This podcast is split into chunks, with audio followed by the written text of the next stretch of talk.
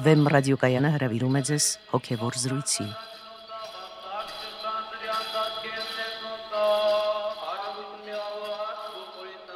Սիրելի ունկնդիրներ, Վեմ ռադիոկայանի եթերում են արժանապատիվ Տեր Մեսրոպ Քահանա Արամյանը եւ Արա Սարգսակյան Նալչաջյանը։ Այսօրվա մեր զրույցի թեման է ստախոսություն։ Օրհնեցեք Տեր հայր։ Աստված օրհնի։ Տեր հայր, մեր ժողովրդի մեջ տարածված եւ առասարակ բոլոր ժողովուրդների մեջ դերևս տարածված է այն կարծիքը, որ սուտ խոսելը վատ բան է։ Սակայն ինչ է սուտը, ինչ է ճշմարիտը։ Կան արդյոք հստակ սահմանումներ, որոնցով կարողանանք սահմանազատել ճշմարիտը կեղծիքից, սուտը կեղծիքից նախ ոչ միայն տարածված է, որ սուտը վատ բան է, նաև գիտեք, որ այսօր մեծապես տարածված է, որ ինչ որ առումով դա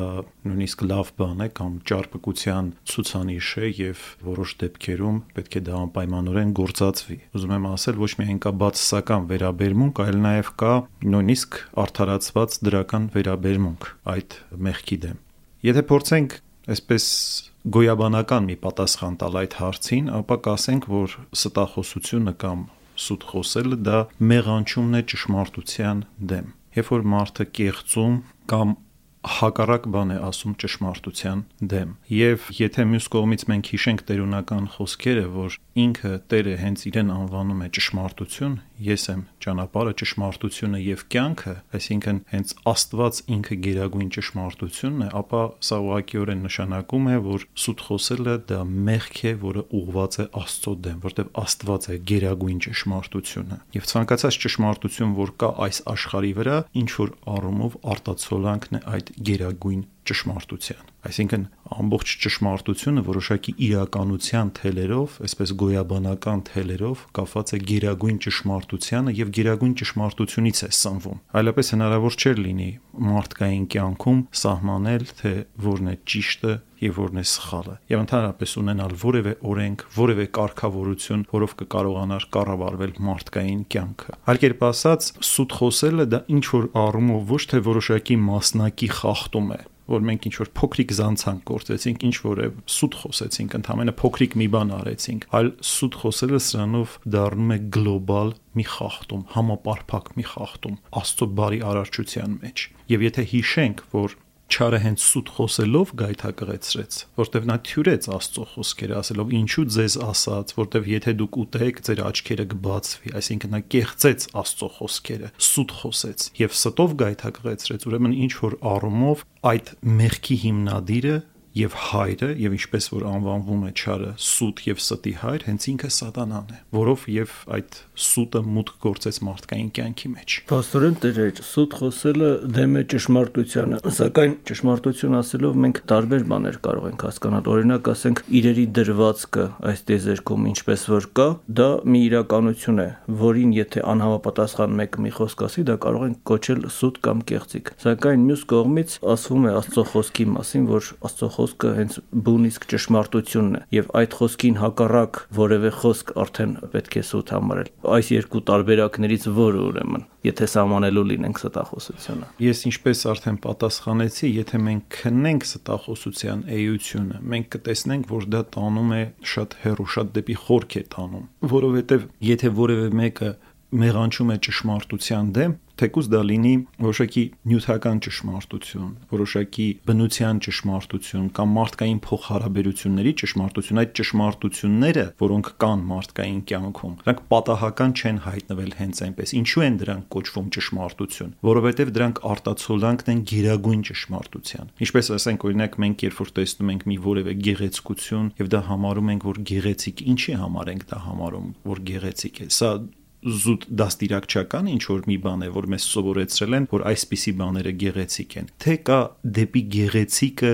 ձգտում մարդու կողմից, հիմնարար մի ձգտում։ Եվ դա դրված է ի սկզբանե նրա մեջ այսինքն օնտոլոգիապես դրված է նրա մեջ եւ մարդը գոյաբանորեն ձգտում է դեպի գեղեցիկը Համենայն դեպս եկեղեցու հայրերը այսպես են բացատրում. Եւ երբ որ մարդը տեսնում է որևէ բարի, գեղեցիկ կամ ճշմարիտ բան, ինքը ոչ թե պետք է սահմանափակվի դրա երկրավոր իրողությամբ, այլ պետք է դրանից վեր բարձրանա դեպի այդ գեղեցկության, ճշմարտության սկզբնապատճառը եւ փառք տա Աստծուն, որ Աստված այդպիսի կարգավորություն է դրել մարդկային կյանքում։ Այլ կերպ ասած, մարդկային կյանքում եղած ճշմարտությունները նույնպես գերագույն ճշմարտության հետևանքն են։ Այլապես այդ ճշմարտությունները կդառնան հարաբերական եւ այդ ճշմարտությունները շատ դյուրությամբ կարող են վերածվել նաեւ ոչ ճշմարտության, բայց դրանով մարդկային կյանքը ընդհանրապես կդառնա հարաբերական։ Այսինքն, եթե մենք լրիվ դնենք հարաբերականության հիմքի վրա, ասելով, որ ոչ մի ուղղորդվածություն չկա մարդկային կյանքում, ոչ մի ֆունդամենտալ ձգտում չկա մարդկային կյանքում, ապա դրանով մենք ընդհանրապես անիմաստ կդարձնենք մարդկային կյանքի նպատակը եւ մարդու գոյությունը առհասարակ։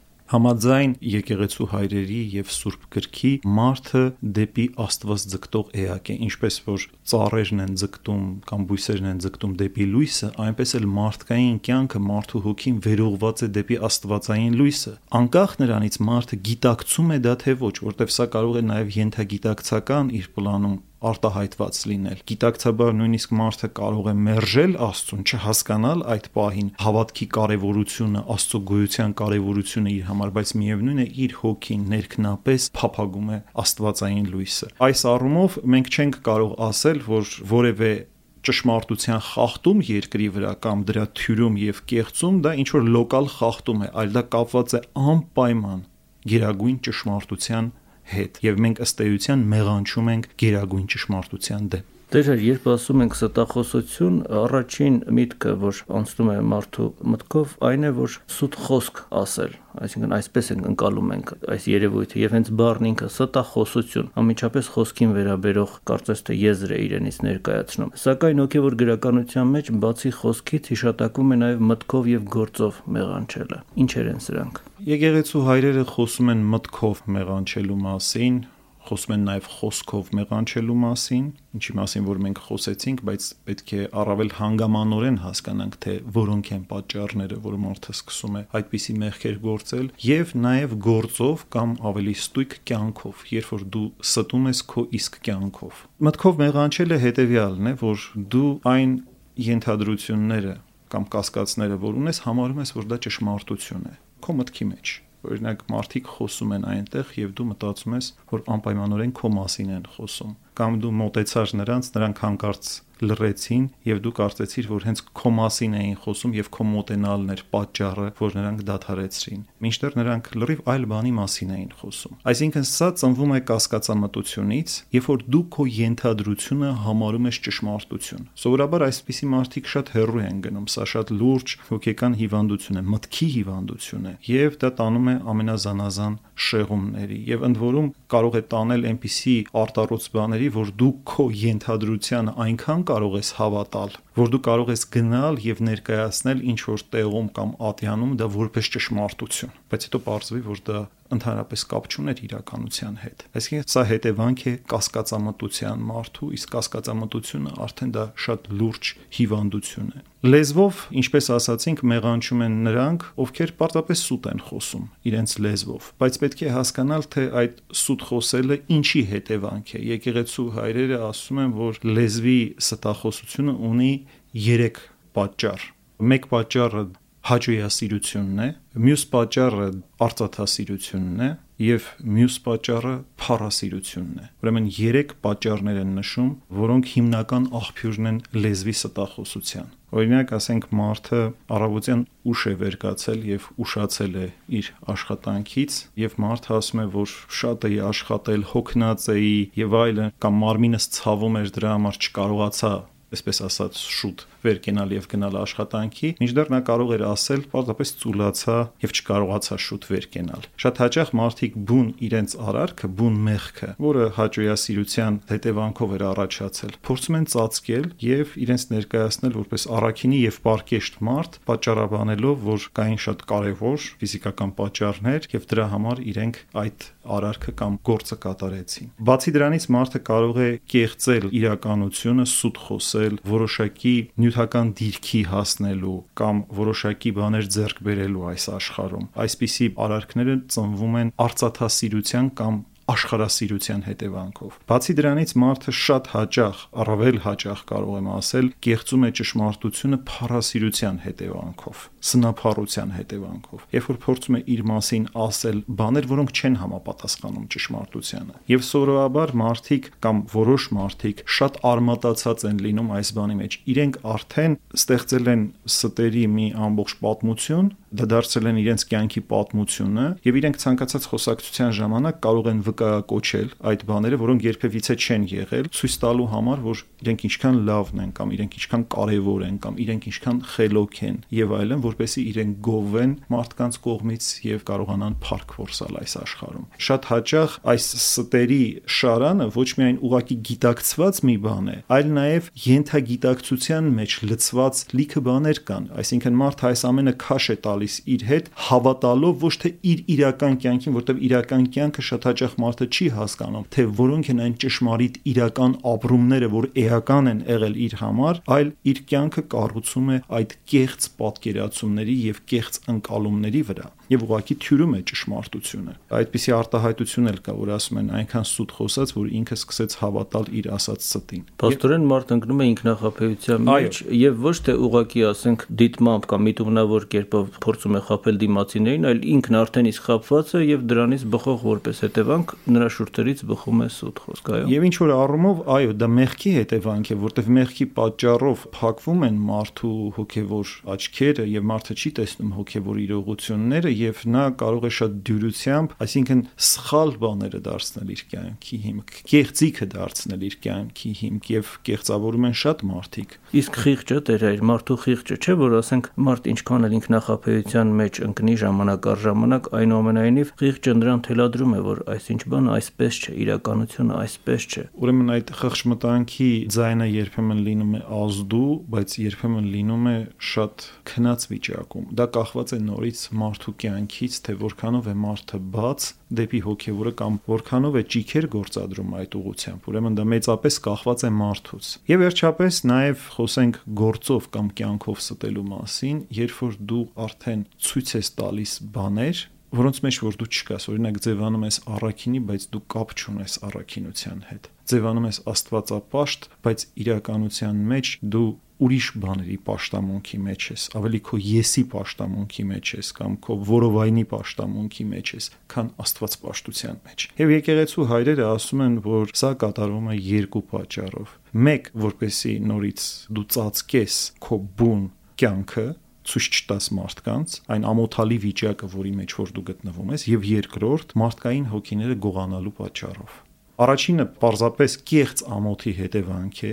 երբ որ դու ուղակիորեն թյուր պատկեր ես ստեղծում, որպեսի ծածկես քո բուն էությունը, սա գալիս է երկակի կյանքից։ Այսպիսի մարդիկ սովորաբար երկու կյանքով են ապրում, մեկը իրենց ծածուկ կյանքն է եւ մյուսը ինչ որ իրենք ցույց են տալիս մարդկանց, եւ երկրորդ պատճառը, որ հատկապես ցայտուն կերպով արտահայտված է աղանդավորության մեջ, դա արվում է որպեսի մարդկային հոգիներ գողանան, այսինքն ցույց են տալիս իրենց որպես առաքինի, աստվածապաշտ եւ այն ճշմարտությունը փնտրող մարդիկ, բայց նրանց նպատակն է այդ ճանապարով, այդ կեղծ պատկերով որսալ մարդկանց։ Տեր հայր մարդը ապրում է իր կյանքը, մտածում է իր մտքերը, խոսում է իր խոսքերը, գործում է իր գործերը եւ ահա գալիս է մի կուլմինացիոն պահ, մի կիզակետ մարդու կյանքում, երբ մարդը կանգնում է դեմ հանդիման Աստծո առջև եւ նրա ծառայի, քահանայի առջև։ Ես նկատի ունեմ մեղքերի խոստովանության պահը։ Այդ դեպքում Արդյոք մենք գործ չունենք ճշմարտախոսության եւ ստախոսության հետ։ Օրինակ, ասենք, եթե մարդը ինչ շատ բնորոշ է ընդհանրապես մարդկային ընկած բնությանը, փորձում է կարծես թե ինքնաարթարացման կերպով ինչ որ խոսքեր ասել, խոստովանության խոսքեր նկարագրում է այն իրավիճակը, որում գործել է ինքը այդ մեղքը, սակայն նաև արդարացման ինչ որ պատճառներ է բերում։ Եվ մյուս կողմից, երբ մարդը ուղղակի ինքնախարազանում է, ասում է, որ ահա ես գործեցի այս եւ այս մեղքը, արդյոք սա եւս չի կարելի համարել մի դեպքում ճշմարիտ խոստովանությունը որպես ճշմարտախոսություն եւ մյուս դեպքում ինքնաարթարացման այդ փորձերը որպես ստախոսություն։ Մարդը ընդհանրապես կարող է կեղծել ամեն ինչի մեջ, անգամ իր աղոթքի մեջ, անգամ խոստովանության խորհրդի մեջ, ամեն ինչի մեջ կարող է, որովհետև մարդկային բնությունը շատ վարժված է այդ կեղծիքին։ Այդ կեղծիքը սովորաբար դարձել է մեր մարդկային կյանքի եւ փոխհարաբերությունների բաղկացուցիչ մասը։ Բայց պետք է ըմբռնումով մոտենալ եւ պետք չէ կարծել, որ անմիջապես մարդը կարող է թոթափվել կեղծիքից։ Պարզապես պետք է մարդուն տալ անկեղծանալու ճիշտ հնարավորություններ եւ դրա հզորագույն հենց ճանապարհը խոստովանության խորհուրդն է խոստովանության խորհուրդը ոչ այլ ինչ է եթե ոչ անկեղծանալ աստծո առաջ բացել քո սիրտը Տիրոջի առաջ նրա սпасավորի միջոցով, որը իրավունք ունի այդ խորհուրդը կատարել երկրի վրա։ Եվ ինչքան մարդը շատ հնարավորություններ ունենա անկեղծանալու, այնքան ավելի լավ այդ մարդու համար։ Նույնիսկ մարդկային փոխհարաբերությունների մեջ տեսեք, հավաքվում են մարդիկ, փոխանակ մի ճշմարտության մասին խոսեն, փոխանակ փորձեն այդ հավաքի ժամանակ մի կարևոր բան իրենց համար հասկանալ մի հոգևոր ընթերցանություն անել, փորձել մի բան բացահայտել իրենց համար, ինչպես հավաքվում են, այնպես էլ հեռանում են առանց որևէ ճշմարտության կայացման։ Ել չեմ ասում, երբ որ հավաքները ուղեկցվում են իրար գլուխ գովալով, կենաց խոսելով, էս անելով, այն անելով, այսինքն ել ավելի մենք արմատանում ենք այն կիրծիքի մեջ, որ մենք կանք։ Եվ ինչքան մարդը նորից եմ ասում հնարավորություններ ունենա իր ընկերների, իր ընտանեկան հարաբերություններում եւ նամանավանդ արդեն հոգեվոր ոլորտի հետ շփվելով, այդ անկեղծանալու այնքան ավելի լավ տվյալ մարդու համար։ Դերեր կարծես թե արդեն ուրվագծվեց մեր զրույցի ընթացքում ստախոսության բնույթը, նրա տեսակները, սակայն փորձենք բարձաբանել, թե ինչպիսի հետևանքներ է ունենում ստախոսությունը։ Բնականաբար, եթե ստախոսությունը մերժելի երևույթ է, պետք է խոսել բացասական հետևանքների կամ վնասների մասին։ Ստախոսությունը ամենածանր հետևանքներ կարող է ունենալ։ Օրինակ, գիտեք, որ Աստվածաշնչյան պատվիրան է սուտ մի վկայիր։ Աստորեն տասնաբանյա օրենքի պատվիրաններից մեկն է սա։ Եվ սա պատահական չէ, որովհետև մարդը շատ հաճախ ոչ միայն պարզապես սուտ է խոսում, այլ նաև սուտ վկայություն է տալիս։ Սուտ վկայություն է մարդը տալիս օրինակ դատական ատյաններում կամ այլ տեղերում եւ դա կարող է մեծ վնաս պատճառել նույնիսկ եթե դատական ատյանում էլ չէ այդ սուտ վկայությունը այլ պարզապես ինչ որ մարդու մոտ է խոսում դա կարող է տվյալ մարդու բարկությունը ուրեմն հարուցել դա կարող է տանել ամենածանր հետևանքների ընդཐུպ մինչև սպանության ել չեմ ասում սուտ վկայության պատճառով որ մարդիկ կարող են հայտնվել բանտում ընտանիքներ կարող են քայքայվել գիտեք շատ գրական ստեղծագործություններ կան այս մասին օրինակ Շեքսպիրի հայտնի åt helgon. Որը սուտ վկայության, այսինքն Յագոն ուղակի դրա մարմնացումն է եւ տեսնում եք ինչպիսի ահավոր հետևանքներ է դա ունենում բայց Շեքսպիրը դա պարզապես հորինած մի պատմություն չի դրել հիմքում հավանաբար դա ունեցել է իրական հիմք եւ ինքը պարզապես դրան գրական տեսք է տվել եւ ես վստահ եմ որ Յագոներ դարեր շարունակ շատ են եղել մարդկային պատմության մեջ սա տիպիկ օրինակ որ արդեն գրական ստեղծագործության է վերածվել բայց մենք կարող ենք կյանքում տեսնել շատ բաներ որոնք արդյունք են սուտ վկայության եւ ստախոսության եւ դա կարող է ամենածանր հետևանքներ ունենալ ել չեմ ասում որ քաղաքական գործիչներն են ստում ել չեմ ասում որ պետական պաշտոնյաներն են ստում եւ մինչեւ ամենահասարակ մարդիկ սրանով հասարակական կյանքում մեծանում է այդ ստի խտությունը, այդ ստի դոզան եւ դա ուղակի խեղդում է հասարակական կյանքի ցանկացած մի առաքինություն, ցանկացած բարի մի դրսևորում։ Էնպես որ սուտը դա ոչ միայն անհատական պլանի նաեւ մեղանչում է, այլ կարող է տանել կյանքում ամենածանր հետևանքների։ Օրինակ ասենք դա կարող է ներթափանցվել մեր լրատվության մեջ, դա կարող է ապակող նորոշել հասարակությանը եւ այլն եւ այլն։ Դերեր, մի անգամ զրույցի ընթացքում այսպեսի մի կարծիք լսեցի. Մի ծանոթից, թե տեղ կա, որ եթե սուտ խոսես, ավելի առաջ կանցնես։ Իսկապես միթե մեր կյանքում այդպիսի իրադրություններ հաճախ չեն հանդիպում եւ ասենք նման դեպքերում սուտ խոսելը թույլատրելի չէ կա այդպիսի կարծիք, որ խափեբայությունը օրինակ օգտակար է բիզնեսի մեջ, բայց ես գիտեմ, որ շատ բիզնեսմեններ աշխարհում, որոնք հասել են հարստության եւ հաջողակ դիրքի, շղթում են այս տեսանկյունը, որովհետեւ նրանք հասել են, ասենք, արդար ճանապարհով եւ իրենց աշխատանքով։ Այդպիսի դեպքեր կարող են պատահել, երբ որ մարդը խափեությամբ տիրանում է ինչ որ բաների կամ խափեությամբ է ձեռք բերում, բայց պետք է դրա հետևանքների մասին մտածել։ Շատ հայտնի մի արտահայտություն է, ասում է անիծված փող կամ անիծված ունեցվածք, եւ ասում է ծառը իր պտուղներով է ճանաչվում։ Հետո դա արտահայտվելու է սերունդների մեջ Այսինքն ամեն մի փող չէ, որ օգտակար է տվյալ մարդու համար։ Որքան էլ իրեն թվա դե լավ բան է։ Այդ փողի հետ մարդը կարող է կրակ տանել դեպի իր տուն։ Ուրեմն պետք է զգուշ լինել այսպիսի բաներից եւ նամանավանդ պետք է զգուշանալ մեր երեխաների մեջ շուստրիություն դաստիարակելու այս ահավոր բանից, որ այսօր մեր մեջ արմատացած է, որով մենք ապրիորի մեր երեխաների մեջ նաեւ դնում ենք խափելու պոտենցիալ այդ արվեստը։ Սա շատ վտանգավոր բան է։ Բայց ես իհարկե չեմ ուզում ասել, որ որոշ դեպքերում դա արդարացված չէ։ Նույնիսկ եկեղեցու հայրերը ասում են կան ծայրահեղ իրավիճակներ, երբ պետք է ծածկես ճշմարտությունը, ոչ թե սուտ խոսես, այլ ծածկես ճշմարտությունը։ Իսկապես դերեր, օրինակ ասենք Սուրբ Գրիգոր Տաթևացին այսպիսի օրինակ է վերում արդարացնելու համար այն դեպքերը, եթե աստորեն մենք ճշմարտությունը չենք հայտնում, այլ ծածկում ենք։ Օրինակ ասում է, երբ մոլեգնած մարդը սուր է խնդրում մեզանից, սուր է ուզում, որպեսի կատարի իր չար գործը, մենք ասում ենք, թե չունենք այդ սուրը։ Կամ եթե ասենք չարակամորեն մեկը մեզանից ինչ որ բան է ուզում իմանալ, մենք ասում ենք, թե չգիտենք։ Այսինքն այսպիսի դեպքերը արտոնելի են, այո, առհասարակ հոգևոր տեսանկյունից։ Այո, այսպիսի դեպքերը արտոնելի են, բայց նորից իր չափի մեջ։ Սա նույնպես չպետք է պատրվակ դարձնել հարատև սուտ խոսելու համար, ասելով որ հարկ կար, այսպես, այնպես եւ այլն։ Նույնիսկ եկեղեցու հայրերը, եթե ասում են այսպիսի դեպքեր պատահում են, ապա սա կարող է լինել 1000-ից Եվ դա չի նշանակում, որ դու լրիվ արդարություն գործեցիր։ Նույնիսկ դրանից հետո դու Աստծո առաջ պետք է զղջաս, որ ի վերջո դու ստիպված եղար այդպիսի բան անելու, առավել մեծ չարիքից փրկելու համար, եւ Տերը անշուշտ քեզ կների այդ մեղքի համար, որտեղ դու իսկապես արդար նպատակի համար դա արեցիր։ Բայց երբ որ դա դարձնում ես վարք ու վարք եւ սովորություն քեզ համար, այդ դեպքում դու կարող ես հայտնվել շատ լուրջ ներքին կեղծիքի մեջ։ Տերեր Սուրբ Գիրքը թվարկելով մի շարք ծանր մեղքեր, ինչպես օրինակ սպանություն, բամբասանք եւ այլն այս հայտնի շարքը, որ բերվում է Սուրբ Գրքում, դրանց մեջ դնում է նաեւ ստախոսությունը։ Օրինակ ասենք ստախոսություն եւ մարդասպանություն։ Ինչու այս երկուսը իրար կողք մի շարքի վրա են դրվում։ Որովհետեւ ըստ էության դա նույն բանն է, որովհետեւ երբ որ դու սուտ ես խոսում, դու դրանով փաստորեն սպանում ես ճշմարտությունը երկրի վրա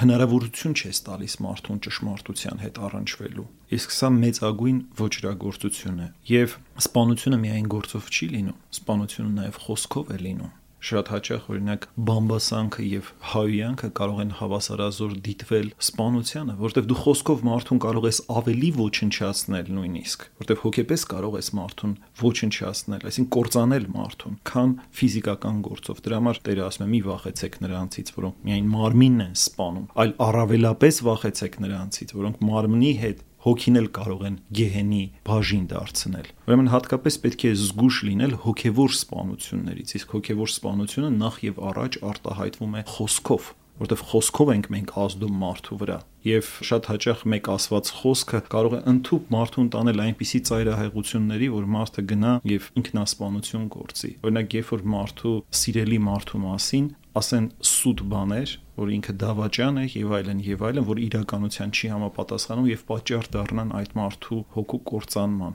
Սա ավելի սարսափելի մեղք է, ավելի սարսափելի, քան ուղակի սպանությունը։ Էնպես որ պատահական չի, որ ինքը այդ շարքում է դրված եւ նորից եմ ասում, պատահական չի, որ ինքը դրված է այդ մի շնացիրի, մի գողացիրի կողքին սուտ մի վկայիր եւ ուղակի տասնաբանյա օրենքի մեջ է արտացոլված սա։ Սա նշանակում է, որ սա շատ հիմնարար մի խախտում է մարդկային կյանքում, որովհետեւ չարը թափանցելով մարդկային կյանքի մեջ բազում ուղություններով շեշտակի վնասներ է հասցրել եւ այդ շեշտակի վնասներից մեկը հենց ստախոսությունն է, որ մարդկային բնությունը դարձել է հակված սուտ խոսելու, հակված մեղանչելու ճշմարտության դեմ, որը ի վերջո մեղանչում է Աստծո դեմ ձեր վերած բարձաբանումից դժեր թերևս բարձ է թե ինչու Սուրբ Գիրքը ասում է որ ստախոսների բաժինը կրակով այրվող լիճն է եւ Սուրբ Հովանես Առաքյալ ավետարանիչը ասում է իր ընդհանրական թղթերում թե ով է ստախոսը եթե ոչ նա ով ուրանում է մարդացյալ Քրիստոսին, Քրիստոսին, այսինքն մարմնով եկած։ Խնդրեմ այս ասպեկտը եւս բարձրաբանեիք Տեր հայր եւ սրանով ավարտեինք մեր զրույցը։ Ինչպես ես ասացի, Տերը ինքն է ասում, որ ես եմ ճանապարհը, ճշմարտությունը եւ կյանքը։ Այսինքն Քրիստոսի մարդեղությամբ մեզ տրված է ճանապարհ, որը մենք ոչ այդ չունենք եւ նրա մարդեղությունն է այդ ճանապարհը դեպի Աստվածային հավիտենականություն տանող։ Եվ այդ ճանապարհը պատահականորեն չբացվեց մեզ համար դա աստվածային սիրո զոհաբերության ճանապարհն էր։ Եվ այդ ճանապարհով է, որ մենք կարող ենք հասնել ճշմարտությանը։ Եվ Տերը ասում է, եւ կճանաչեք ճշմարտությունը, եւ ճշմարտությունը կազատի ձեզ։ Այսինքն մենք կստանանք ճշմարիտ կյանքի ազատությունը, կմտնենք ճշմարիտ կյանքի մեջ, որ բացված է Հիսուս Քրիստոսով։ Դրա համար, երբ որ մենք չենք ընդունում Քրիստոսին, կամ մերժում ենք Քրիստոսին, մենք մերժում ենք հենց այդ ճշմարտությունը եւ այն ճշմարիտ կյանքը, որը բացված է Աստվածային սիրո զոհաբերությամբ։ Այո, Տեր, իսկ չէ որ ասենք, եթե մարդը սպանություն է գործում անգամ, հետո զղջումով ապաշխարությամբ ներում է ստանում, եթե գողություն կամ շնություն է գործում, դարձյալ զղջման ապաշխարությամբ վերադառնում է իր հունի մեջ դեպի ճշմարտություն։ Սակայն այս պարագայում ասում է ստախոսը նա է, ով որ ուրանում է Հիսուս Քրիստոսի մարմնով եկած, այսինքն ուրացման մասին է խոսքը, եւ սա առավել ծանր հանդիմանության է արժանանում Սուրբ գրքում։ Խոսքով ուրացում մասնավորապես։ Անշուշտ, որովհետեւ դա արդեն շատ ծանր մեղք երբ որ դու հայտնապես ուրանում ես այսինքն շղթում ես Աստծո փրկagorցությունը, մերժում ես Աստծո սերը։ Սա անհամեմատ ավելի ծանր մեղք եւ սովորաբար այսպիսի մեղքերից մարդիկ առավել դժվարությամբ են ազատվում։ Բայց ես ուզում եմ նորից մեր ունկնդիրներին հիշեցնել, ակնարկել, որ խոսքը էստեղ Հովանես Ավետարանչի խոսքում նրանց մասին չէ, որոնք անգիտակցաբար կամ տգիտաբար չեն ընդունում Աստծո գոյությունը, այլ նրանք, ովքեր հայտնապես են մերժում, այսինքն հերետիկոսները,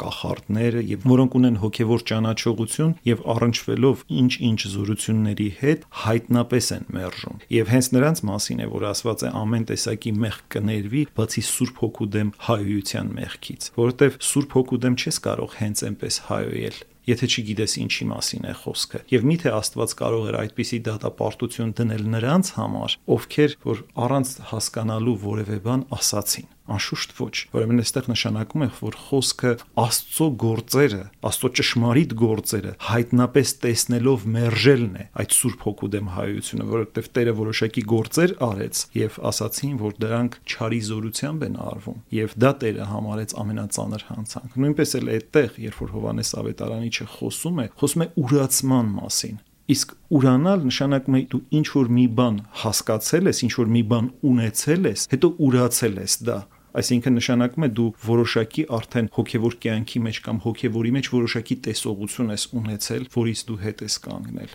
Եվ երբ որ համեմատում ենք օրինակ գողության հետ, մարդասպանության հետ, այլ մեղքերի հետ, այդ մեղքերը գիտեք շատ տեսանելի են։ Պատահական չի, երբ որ մարդը գողություն է անում կամ մի ինչ որ մեկին հարվածում է կամ ինչ որ հայտնի մի բան է անում, դա մարդու խղճի վրա նստում է, որովհետև տեսանելի ինքը գործ արեց, որոշակի արտահայտված եւ ինչ որ արումով դրա համար զղջ անցյալը, ավելի դյուրին է մարդու համար, որտեղ դա շատ շոշափելի է, բայց ստախոսությունը զանազան կեղծիքներով եւ այլն այնպես կարող է պատճուճված լինել մարդկային հոգում, որ մարդը ինքն էլ չզգա, որ ինքը սուտ է խոսում կամ սուտ կյանք է ապրում կամ մտքով է սուտ խոսում եւ մարդը կարող է կարծել, որ հենց դա է իրական կյանքը։ Այլ կերպ ասած, ինքը ունի նաեւ դժվար տեսանելիություն եւ սա է պատճառը, որ շատ հաճախ մարդիկ չեն նկատում դա եւ չեն գալիս խորը զղջման։ Շնորհակալություն Տեր հայր, թույլ տվեք սրանով եզրափակել մեր այսօրվա զրույցը ստախոսության մասին։ Օշնեցեք Տեր հայր։ Աստված օշնի։